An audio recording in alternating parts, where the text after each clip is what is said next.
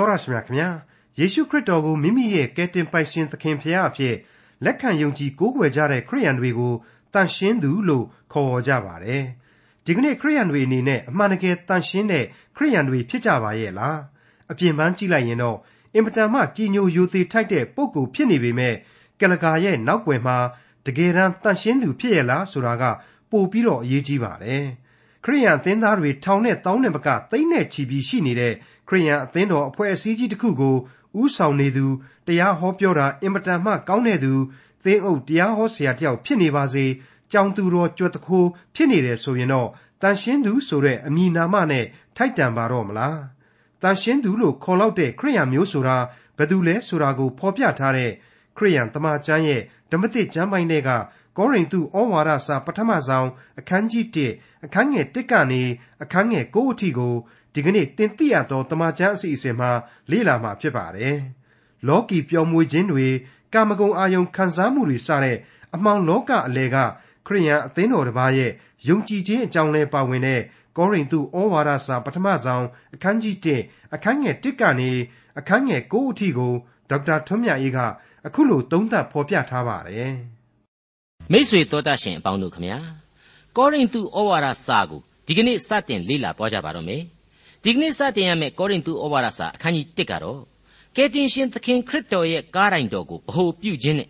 ကွဲပြားခြားနားမှုများအတွက်ဖြည့်သိမ့်ခြင်းဆိုတဲ့အဓိကအချက်ကိုဖော်ကျူးသွားမယ်လို့ကျွန်တော်အနှစ်ချုပ်ဖော်ပြထားနှင်ခြင်းပါတယ်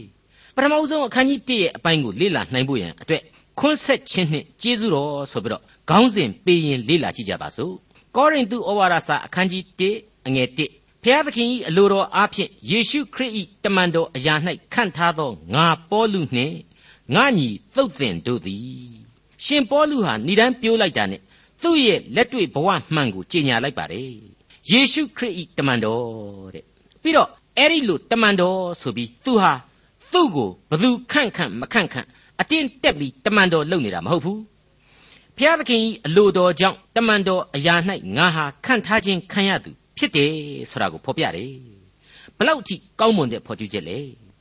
အခုအချိန်ကာလမှာကျွန်တော်ပဲဖြစ်ဖြစ်မိษွေပဲဖြစ်ဖြစ်ဘသူပဲဖြစ်ဖြစ်ကျွန်တော်တို့တော့ဘုရားသခင်ပို့ဆောင်တော်မူခြင်းကြောင့်ဘုရားသခင်ရဲ့အလိုတော်အတိုင်းရှင်သန်နေရပြီသူ့အမှုတော်ကိုဆောင်နေရတယ်လို့ပြောနိုင်ပြီဆိုပြီးဆိုပါတော့အဲ့ဒီအတိုင်းသာတကယ်တမ်းမှန်ရင်ကိစ္စပြတ်ပြီမင်္ဂလာအပေါင်းနဲ့အသက်တာတစ်ခုလုံးဟာခန့်ညောင်းသွားပြီ လူတို့ကြံစည်၍မမိနိုင်သောငြိမ်သက်ခြင်းနဲ့ကျေးဇူးတော်ကိုအပြည့်အဝခံစားကြရပြီဆိုတာဟာအသေးအချာဖြစ်သွားပါပြီကျွန်တော်ဆိုလိုတာကကိုပြောတဲ့အတိုင်းတကယ်အမှန်တစ္ဆာတရားဖြစ်တယ်ဆိုရင်ပြောတာပါနော်ချွင်းချက်မရှိသောတစ္ဆာစကားအဖြစ်သာဒီလိုပြောနိုင်လို့ကတော့အဲ့ဒီလိုလူတယောက်အတွက်ကိုယ့်ရဲ့အသက်တာတလျှောက်နဲ့တကွအနန္တကာလအတွက်ပါစိတ်ချလက်ချရှိသွားပြီလို့ကျွန်တော်ရဲရဲကြီးဝင်ပြီးတော့အာမခံနိုင်ပါတယ်လူသားတယောက်အနေနဲ့လူလောကရန်တွေရှိမယ် လူဘဝပြဿနာတွေလည်းရှိလိမ့်မယ်ဆိုတာကတော့မငြင်းနိုင်ဘူးဒါပေမဲ့အဲ့ဒီလိုဖျားသခင်ရဲ့ဘက်ကလူတယောက်အဖို့ကတော့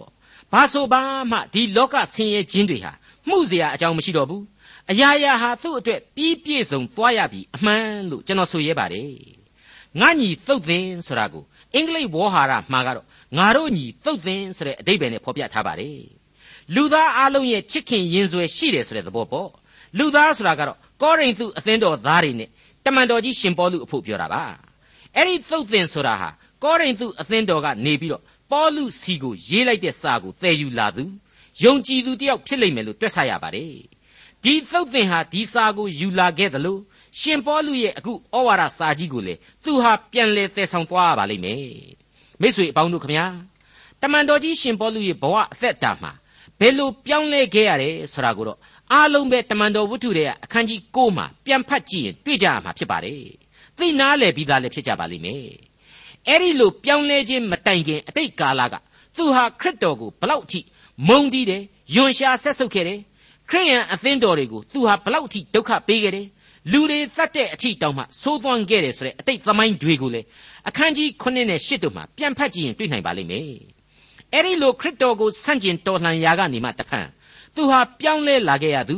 ပြောင်းလဲပြီးတဲ့နောက်မှာဘုရားသခင်ရဲ့သွန်သင်ပဲ့ပြင်မှုကိုခံခဲ့ရပြီးတဲ့နောက်အမှုတော်ကိုတသွင်မတိန်ထမ်းဆောင်ခဲ့ရသူဆရာတွေဟာအလွန်စိတ်လှုပ်ရှားစရာသမိုင်းဖြစ်ရမှန်တွေအဖြစ်ကျွန်တော်ပြန်လှန်တွေးဆနိုင်ပါလိမ့်မယ်အဲ့ဒီလိုအတိတ်သမိုင်းကနေမှအလင်းတရားကိုရခဲ့သူမှုလို့လေသူဟာအမှုတော်ကိုဆောင်ရွက်ရမှာခရစ်တော်ရဲ့ကျွန်အဖြစ်ပို့ပြီးတော့ကိုယ့်ကိုယ်ကိုစက္ကအနှံထားခဲ့တယ်ဆိုတာကိုကျွန်တော်တို့သဘောပေါက်ထားနှင်ပြီးသားဖြစ်ပါတယ် မိ쇠အပေါင်းတို့ခမညာလက်စားချေရတာများတဲပြီးရတာရှိတယ်ဆိုပြီးတော့ပြောရကြတာကိုကျွန်တော်တို့ကြားဘူးပါတယ်အဲ့ဒီစကားသံကိုကလူရဲ့ဇာတိစိတ်ကိုအရေးပြနေပါတယ်အခုတမန်တော်ကြီးရှင်ပေါလုကတော့ကို့အမှားအတွက်ကိုပြန်ပြီးတော့ကိုယ်တိုင်အကျွေးဆက်ခဲ့တယ်ဒီအကျွေးမျိုးကို तू အတင်မခံမဲနဲ့အသက်ကိုယင်းပြီးတော့စက္ကအနှံခဲ့ခြင်းဟာလက်စားချေဖို့အလွန်ဝါသနာပါသူကျွန်တော်တို့လူသားများရှေ့မှာအလွန်ကောင်းမွန်တဲ့ ခရိယန်တယောက်ရဲ့သက်သေတစ်ခုပဲလို့ကျွန်တော်ဒီနေရာမှာဖြစ်ဆွက်တင်ပြခြင်းပါတယ်ကောရိန္သုဩဝါဒစာအခန်းကြီး1အငယ်1ယေရှုခရစ်အားဖြင့်အပြစ်နှင့်ကင်းစင်၍တန်ရှင်းသူအရာ၌ခံထားသောသူဒီဟုသောကောရိန္သုမြို့၌ရှိသောဘုရားသခင်အသင်းတော်မှစ၍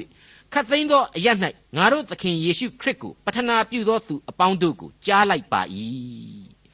ကောရိန္သုမြို့၌ရှိသောဘုရားသခင်ဤအသင်းတော်တဲ့နော်ဟုတ်တယ်အသင်းတော်ဆရာဟာ ဘုရားသခင်ကတိဆောက်မှသာအသင်းတော်ဖြစ်တာကျွန်တော်ပြီးခဲ့တဲ့သင်ခန်းစာမှာလည်းဖော်ပြပြီးပြီရှင်ပေါလုတိဆောက်လို့မရဘူးရှင်ပေါလုကတန်ရှင်းသောဝိညာဉ်တော်အားဖြင့်သူဟာခေါင်းဆောင်တဲ့နေရာမှာတော့ပါဝင်ရင်ပါဝင်မယ်ဒါပေမဲ့အမှန်တကယ်ဒီအသင်းတော်တည်စေဆိုတာကတော့ဘုရားသခင်ရဲ့အမိန့်ပဲအဲ့ဒီအသင်းတော်ကြီးကိုစာရေးပြီးဆက်သွယ်ရမှာကတော့ကယ်တင်ရှင်သခင်ခရစ်တော်အားဖြင့်အပြစ်နှင့်ကင်းစင်သောလူသားတို့စုဝေးနေတဲ့အသင်းတော်ဆိုပြီးတော့ တမန်တော်ကြီးရှင်ပေါ်သူဆက်လက်ဖော်ပြပါတယ်ဒီတော့ဘယ်မျိုးဘယ်တိုင်းဘယ်အရက်ဘယ်လမ်းဘယ်နံပါတ်ဆိုတဲ့လိပ်စာတွေဟာအမှန်တကယ်အရေးမကြီးဘူးဖျားသခင်ဤအသင်းတော်ဖြစ်ဖို့သာလိုတယ်ခရစ်တော်အားဖြင့်အပြစ်နှင့်ကင်းတန့်ရှင်းခြင်းရှိသောလူသားတို့စုဝေးဖို့သာလျှင်အဓိကဝိညာဉ်ခွန်အားနဲ့ပြေဝဖို့သာလျှင်အဓိကအဲ့ဒီလိုပါပဲနှုတ်ကပတ်တော်၌ဆွဲမြဲတဲ့အသင်းတော်နှုတ်ကပတ်တော်အလင်းမှာအစဉ်တစိုက်ရှောက်သွားသောအသင်းတော်ဖြစ်မယ်ဆိုရင် ဘယ်လိုခေါင်းစဉ်အမိတွေဘယ်လိုဂိုင်းတနတွေပဲကွဲနေနေဖျားသခင်အသင်းတော်ကြီးပဲဖြစ်တယ်ခရစ်တော်၌တန့်ရှင်းခွင့်ရသူတွေကြီးပဲလည်းဖြစ်ပါတယ်အခုလိုခရစ်တော်၌တန်ရှင်းစင်ကြယ်ခြင်းရှိဖို့ဆိုတာကိုတမန်တော်ကြီးရှင်ပေါလုဟာအလွန်ဂရုတစိုက်ဖော်ပြပါတယ်အလေးအနက်လည်းအလွန်ထားခဲ့တယ်ဆိုတာကိုယောမဩဝါဒစာရီမှာလည်းကျွန်တော်တို့တွေ့ကြရပြီးပါပြီဒါဟာအခြေခံသဘောတရားအဖြစ်ယုံကြည်သူတိုင်းလက်ခံကြရမှာဖြစ်ပါတယ်တန်ရှင်းသောဝိညာဉ်တော်၌ တန်ရှင်းစင်ကြယ်စေခြင်းဆိုတာကြတော့အခြေခံသဘောတရားတဲ့လက်တွေ့သဘောတရားတစ်ခုအဖြစ်ကျွန်တော်တို့လက်ခံကြရပါလိမ့်မယ်ခရစ်တော်ရဲ့အနန္တကျေးဇူးဖြောင့်မတ်သောတစ္ဆာတရားနဲ့ကယ်တင်ခြင်းအလုံးစုံတို့ဟာအဲ့ဒီတန်ရှင်းစင်ကြယ်ခြင်းအခွင့်ရေသောမြစ်ပဲဖြစ်ပါတယ်အဲ့ဒီလိုကယ်တင်ရှင်ရဲ့တန်ရှင်းစင်ကြယ်စေခြင်းဆရာဟာနေ့ရက်တရက်အတွက်မဟုတ်သလိုတစ်နှစ်အတွက်လည်းမဟုတ်တဘဝအတွက်လည်းမကပါဘူး ယခုဘဝနောင်ကာလနဲ့ဆိုင်ပါတယ်အနန္တကာလအတွက်အနန္တဆုကျေးဇူးလို့လေးနဲ့စွာသဘောပေါက်ထားဖို့လိုပါတယ်တန်ရှင်းသူအရာ၌ခံထားတဲ့အခါမှာတန်ရှင်းသူသို့မဟုတ် saints လို့လူသားတို့ဟာဂုံပြုခံရပါတယ်အခုကောရိန္သုအသင်းတော်သူအသင်းတော်သားတွေဟာ saints လို့ရှင်ပေါလုကချီးမြှင့်ခံနိုင်ဖို့အတွက်ခရစ်တော်အားဖြင့်တန်ရှင်းခြင်းသို့မဟုတ်အခြေခံသဘောတရားအားဖြင့်အမှန်တကယ်တန်ရှင်းခြင်းရှိနေကြပါပြီဒါပေမဲ့ တန်ရှင်းသောဝိညာဉ်တော်အားဖြင့်တန်ရှင်းစင်ကြယ်စေခြင်းဆိုတဲ့လက်တွေ့သဘောတရားအရာတန်ရှင်းခြင်းဆိုတဲ့အဆင့်မှာတော့အလွန်ချိနဲ့အားပြော့နေသေးတယ်လို့ကျွန်တော်သတ်မှတ်လိုက်ပါတယ်အဲ့ဒီအတိုင်းပါပဲဒီကနေ့ကျွန်တော်တို့ယုံကြည်သူတွေအများစုဟာလေခရစ်တော်အားဖြင့်တော့အလိုအလျောက်တန်ရှင်းသူများလို့အမိခံခွင့်ရရှိနေပြီအခြေခံသဘောတရားအရာပေါ့ဒါပေမဲ့တန်ရှင်းသောဝိညာဉ်တော်၌အသစ်မွေးဖွားခြင်း သို့မဟုတ်တန်ရှင်းစင်ကြယ်စေခြင်းဆိုတဲ့လက်တွေ့သဘောတရားနောက်ထပ်မပါဝင်သရွေ့ပြည့်စုံလုံလောက်သောကယ်တင်ရှင်ဆုကျေးဇူးဆရာကိုအာမခံနိုင်လိမ့်မယ်လို့ကျွန်တော်မယူဆပါဘူးစိမ့်ဆိုတဲ့ဝေါ်ဟာရအနှစ်ဟာ set aside to God ဖြစ်ပါတယ်ဖျားသခင်အတွက်သီးသန့်ယက်တည်ခြင်းဆိုတဲ့အဓိပ္ပာယ်ကိုဆောင်းပါတယ်ဗိမာန်တော်မှာရှိနေတဲ့ရစ်ပလင်ရစ်ပလင်အတွက်သီးသန့်ထားတဲ့အိုးခွက်ဇွန်းစတဲ့အရာတွေဟာတန်ရှင်းသောတစားပလာများ holy things များဆိုပြီးတော့ကျွန်တော်တို့နားလည်ထားကြပါတယ်ဘာဖြစ်လို့လဲဆိုတော့ဖျားသခင်ရဲ့အသုံးပြုခြင်းကိုခံလိုက်ရတဲ့အတွက်ကြောင့်ဖျားသခင်နဲ့သီးသန့်ဆိုင်တဲ့အရာတွေတန်ရှင်းတဲ့အရာတွေအဖြစ်အလိုလိုခေါ်ဝေါ်သမုတ်ခြင်းကိုခံလိုက်ရတာပဲဖြစ်ပါတယ်ဒါကြောင့်မလို့တန်ရှင်းသူအမှန်တကယ်ဖြစ်ဖို့ဆိုတာဟာဖျားသခင်ရဲ့အသုံးတော်ကိုခံရတဲ့ဘဝအသက်တာဖြစ်ရန်လေအထူးပဲအရေးကြီးလာပါတယ်တနည်းအားဖြင့်ကတော့ကျွန်တော်ရဲ့တန်ရှင်းသူဆိုတဲ့ဂုံပုတ်ဟာ ကိုထူကိုထကိုဘဝဇာတိခွန်အားနဲ့ဆွဲယူသုံးဆွဲလို့ရကောင်းတဲ့အရာမဟုတ်ဖ ೇನೆ ခရစ်တော်ပေးတဲ့ဆုကျေးဇူးကိုယုံကြည်လက်ခံတန်ရှင်းသောစိတ်ဝိညာဉ်နဲ့အားဖြည့်ပြီးတော့ဘုရားသခင်ရဲ့အလိုတော်နဲ့အညီရှင်သန်မှသာလျှင်ရယူကောင်းတဲ့ဂုံပုတ်အစစ်အမှန်ဖြစ်လာတယ်ဆိုတဲ့သစ္စာတရားပဲဖြစ်ပါတယ်ကောရိန္သုဩဝါဒစာအခန်းကြီး1အငယ်3ထိုသခင်သည်ငါတို့ဤသခင်သာမဟုတ်သင်တို့ဤသခင်လည်းဖြစ်တော်မူ၏ သခင်ယေရှုခရစ်နှင့်ငါတို့ဤအဖဒီဟုသောဘုရားသခင်အထံတော်ကကျေးဇူးတော်နှင့်ငြိမ်သက်ခြင်းသည်သင်တို့၌ရှိပါစေသောကျေးဇူးတော်နှင့်ငြိမ်သက်ခြင်းဆရာဟာရေကိုသားလို့အခြားမထင်တယ်လို့ဒွန်တွဲနေတဲ့အရာဖြစ်ပါတယ်အဲ့ဒီအထက်ကမှကျေးဇူးတော်ကို grace ဆိုပြီးတော့သုံးပါတယ် Greek ယဉ်ကျေးမှုကြီးထွားတဲ့အဲ့ဒီခေတ်ကာလမှာ grace သို့မဟုတ် cherish ဆိုတာဟာလူတိုင်းပါဇက်ဖျားမှာယင်ပါတဲ့စကားဖြစ်ခဲ့ဟန်ရှိပါတယ် ငြိမ်သက်ခြင်းသို့မဟုတ် peace ဆိုတာကြတော့ဟေဘရဲဘာသာအဖြစ် shalom ဆိုတာကိုကိုစားပြုပြီးတော့ဣသရေလတို့ရဲ့တူးနဲ့တူပြောလေပြောထကောင်းကြီးမင်္ဂလာစကားပဲဖြစ်ပါတယ်ခွန်းဆက်စကားပဲဖြစ်ပါတယ်အဲ့ဒီလိုဆက်ဆက်မှုရှိနေတဲ့ကျေးဇူးတော်နဲ့ညီသက်ခြင်းဆိုတာကိုကောရိန္သုအတွက်တောင်းစုအဖြစ်ရှင်ပေါလုသုံးဆွဲလိုက်ခြင်းကြောင့်ကောရိန္သုအသင်းတော်ဝင်ခရိယန်တို့ဟာသူတို့ကိုတန်ရှင်းစေတဲ့ကယ်တင်ရှင်သခင်ခရစ်တော်ကို ဥညွှတ်ရခြင်းရဲ့ထူးကဲလေးနက်မှုကိုချက်ချင်းမြင်လာရစေမယ်မြင်လာရကြလိမ့်မယ်ယင်တဲကနေအပြည့်အဝခံစားလာရစေလိမ့်မယ်လို့ကျွန်တော်တွက်ဆခံယူမိပါတယ်ယင်ထဲမှာကြည်နူးနှစ်သိမ့်မိပါတယ်မိษွေတို့ကျွန်တော်တို့ရဲ့အသက်တာတွေဟာလေဒီအတိုင်းပဲကိုယ့်ရဲ့ဇာတိပဂရိလူဘဝအပြစ်တို့ကိုကိုစားခံယူပြီးတော့အပြစ်မှလွတ်ငင်းချမ်းသာခွင့်ကိုပေးသူခရစ်တော်အားဖြင့်ဖြောင့်မတ်ရာသို့ကျွန်တော်တို့ရောက်ကြရတယ် ဒီအခါမှာကျေးဇူးတော်နဲ့ညီသက်ချင်းတို့ရဲ့ပြည့်စုံလာတဲ့ဝိညာဏအရသာကိုခံစားရရှိထိတွေ့လာကြရပါတယ်ယောမဩဝါဒစာအခန်းကြီး9အငယ်1မှာတော့ဆိုရင်ပေါလုဟာအခုလိုဆိုဖွဲ့ခဲ့ပါတယ်ထို့ကြောင့်ငါတို့သည်ယုံကြည်ခြင်းရှိ၍ဖြောင့်မတ်ရာသို့ရောက်လျင်ငါတို့သခင်ယေရှုခရစ်အားဖြင့်ဖျားသခင်ရှေ့တော်၌ငြိမ်သက်ခြင်းကိုခံစားကြ၏ရဲ့လို့ဖြစ်ပါတယ်ငယ်ရွယ်နှုတ်ပြိုတဲ့လူလင်ကလေးတွေကိုကျွန်တော်အားပေးခြင်းလှပါတယ် ဖျားသခင်ပေးတဲ့ငြိမ်သက်ခြင်းကိုခံယူကြစမ်းပါဖျားသခင်ကောင်းကြီးတင်တို့ကိုပေးပါလိမ့်မယ်လောကအစွဲအလန်းတွေမူရစ်ဆေးဝါးတွေနဲ့ငြိမ်သက်ခြင်းကိုမရှာကြပါနဲ့စာရမဏတ်ရဲ့ငြိမ်သက်ခြင်းဖြစ်နေတဲ့အတွက်ကြောင့်သာဝရသေခြင်းစီကိုရောက်ရှိကုန်ကြပါလိမ့်မယ်ကောရိန္သုဩဝါဒစာအခန်းကြီး1အငယ်၄နဲ့5အထက်ကခရစ်တော်ဤသက်သေကိုသင်တို့တွင်တည်စေသည်ရှိသောသင်တို့သည်ထိုခရစ်တော်အားဖြင့်ခရစ်တော်အားဖြင့်ဆရာဟာ ခရစ်တော်နှင့်အတူသို့မဟုတ်ခရစ်တော်၌ဆိုတဲ့အတိတ်ဘယ်ကိုပဲရှင်ပေါလုဆိုလိုတာပါအဲ့ဒီလိုခရစ်တော်၌တည်နေမယ်ဆိုရင်တော့အေဖက်ဩဝါဒစာအခန်းကြီး1အငယ်3မှာဖော်ပြထားခဲ့တဲ့အတိုင်းပဲဘုရားသခင်ရှေ့တော်၌မေတ္တာအားဖြင့်တန့်ရှင်းလျက်အပြစ်ကင်းလွတ်ကြမှာဧကန်အမှန်သာဖြစ်တဲ့အကြောင်းတင်ပြပါရစေ။ကောရိန္သုဩဝါဒစာအခန်းကြီး1အငယ်6အရာရာ၌နှုတ်သက်တိဉာဏ်သက်တိအပေါင်းနှင့်ကြွယ်ဝပြည့်စုံကြသည်ဖြစ်၍ ယေရှုခရစ်အားဖြင့်သင်တို့အားပေးတော်မူသောဆုကျေးဇူးတော်ကိုငါထောက်၍သင်တို့အကြောင်းကြောင့်ငါဖျားသခင်၏ကျေးဇူးတော်ကိုအစင်မပြတ်ချီးမွမ်း၏ခရစ်တော်အားဖြင့်နှုတ်သက်တိဉာဏ်သက်တိဆိုတာတွေဟာဖြစ်ပွားလာတယ်ဆိုတာကိုကျွန်တော်တို့ကိုရှင်ပေါလုသွန်သင်ပေးလိုက်ပါတယ်ဒါဟာကောလောသဲဩဝါဒစာအခန်းကြီး3အငယ်16နဲ့18မှာသူဖော်ပြထားတာနဲ့ကွက်တိပါပဲခရစ်တော်ဤနှုတ်ကပတ်တရားသည်ပညာအမျိုးမျိုးနှင့်သင်တို့အထက်၌ကြွယ်ဝစွာတည်နေ၍ သင်တို့သည်ဆာလံတည်ခြင်းမှစသောဓမ္မတည်ခြင်းအမျိုးမျိုးအားဖြင့်အချင်းချင်းတို့ကိုဆုံးမသွန်သင်ခြင်းသတိပေးခြင်းကိုပြု၍နူးညွတ်သောစိတ်နှလုံးနှင့်ဘုရားသခင်ရှေ့တော်၌တင့်တယ်လျှောက်ပတ်စွာတည်ခြင်းဆိုကြလော့စကားပြောတော်၎င်းအမှုတော်ဆောင်ရွက်တော်၎င်းသခင်ယေရှု၏နာမတော်ကိုထောက်၍ခတ်သိမ်းသောအမှုတို့ကိုပြုမှုလျက်ကျေးဇူးတော်ကြီးလှပါ၏ဟုထိုသခင်ကိုအမိပြု၍ခမည်းတော်ဘုရားသခင်ရှေ့၌ဝန်ခံကြလော့ဆိုပြီးတော့ သူအဲ့ဒီဩဝါဒစာမှာရေးသားထားခဲ့ပါတယ်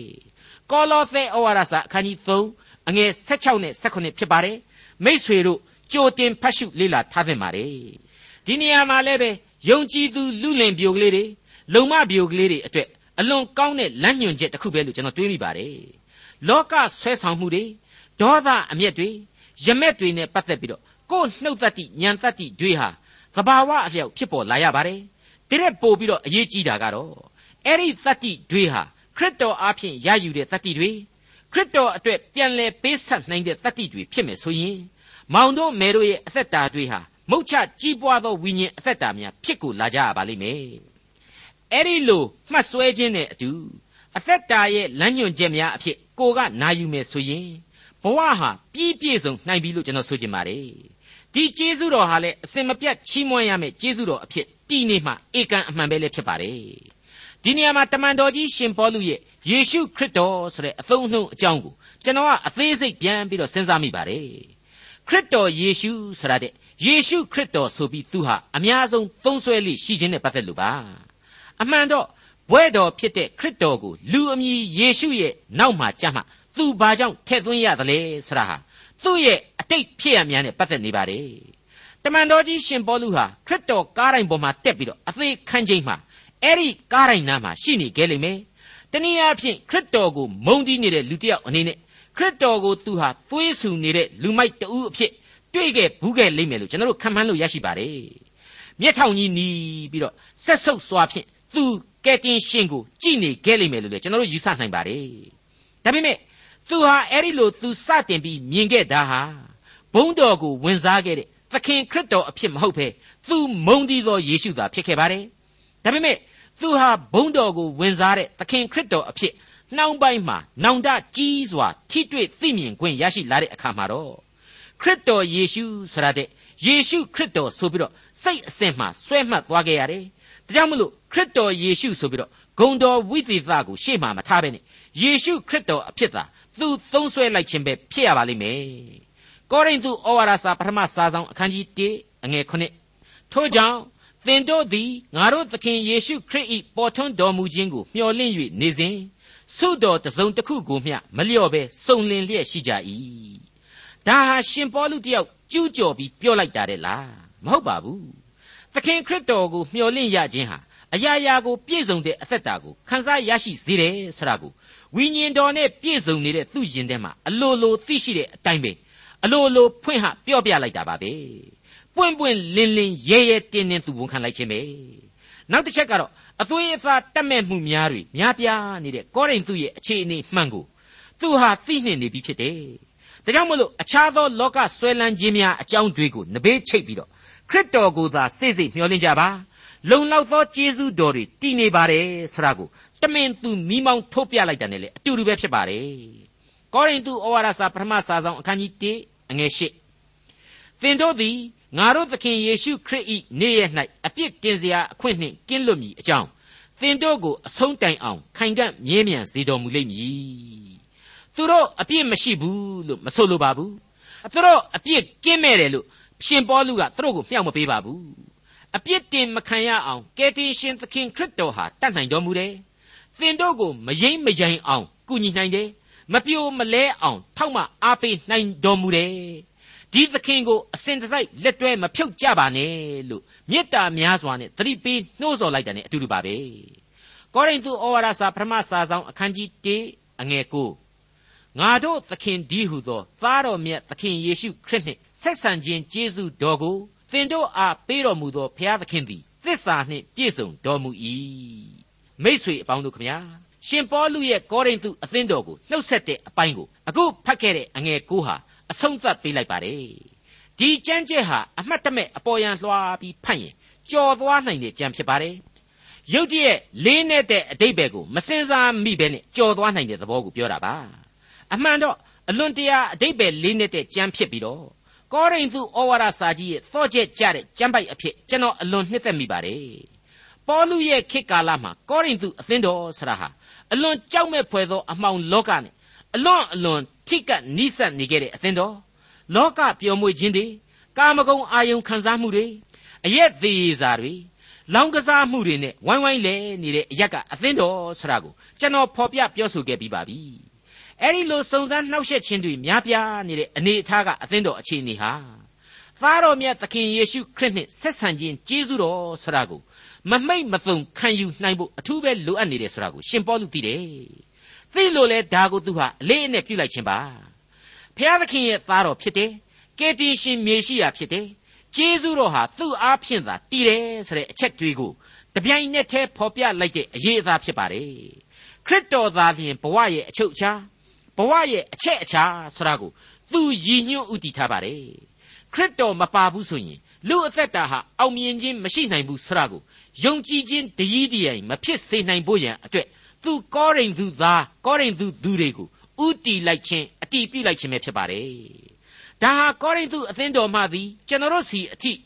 ဥတီနေစေပဲရှိတယ်လို့လေကျွန်တော်တို့လေးနဲ့စွာခန်းစားနားလေသဘောပေါက်ကြပါစို့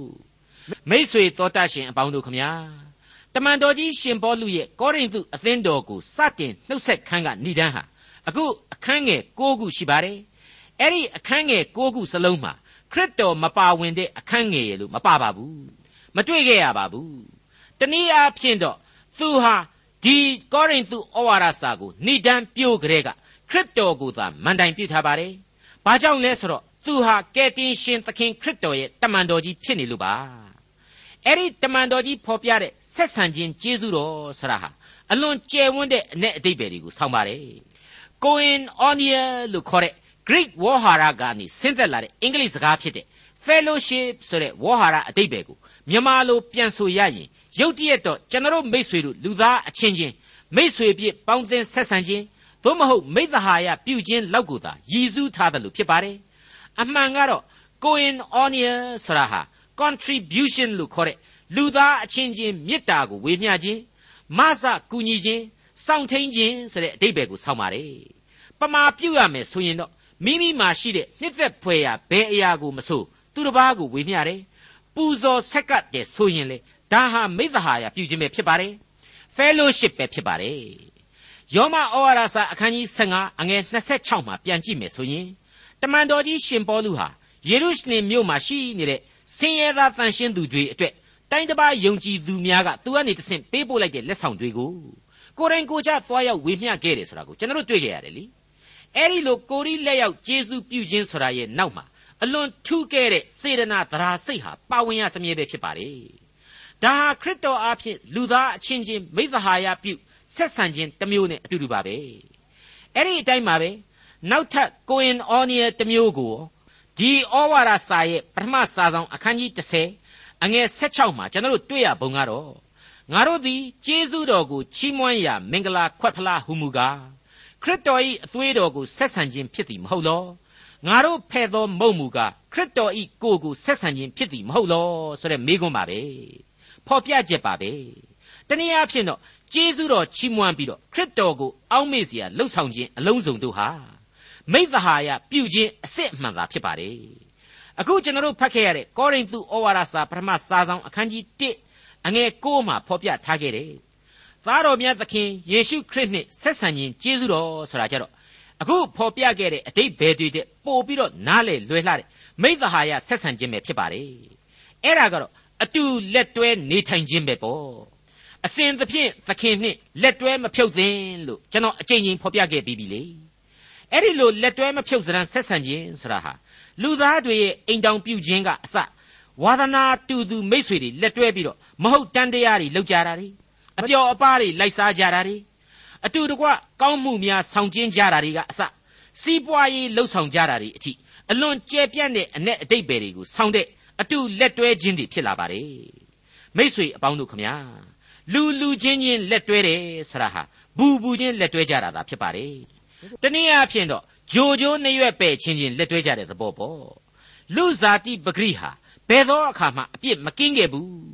လူရဲ့သမိုင်းဟာအပြစ်သမိုင်းနဲ့စစ်သမိုင်းပဲဆိုတာကိုကျွန်တော်ဖော်ပြခဲ့ပြီးပြီမဟုတ်ဘူးလားကို့အကျိုးစီးပွားလဲအောင်သူ့အကျိုးစီးပွားလဲဆောင်းဆိုတဲ့ဆောင်းပုတ်ကိုယူဆောင်ထားကြတာမှန်ပြီမယ်အကျိုးစီးပွားများမဖြစ်ထွန်းတဲ့အချိန်ကို့အပေါ်မှာတစ်ဖက်ကနေပြီးတော့တစုံတရာမကျေနပ်เสียအမှုတစ်ခုဖြစ်လာတဲ့အချိန်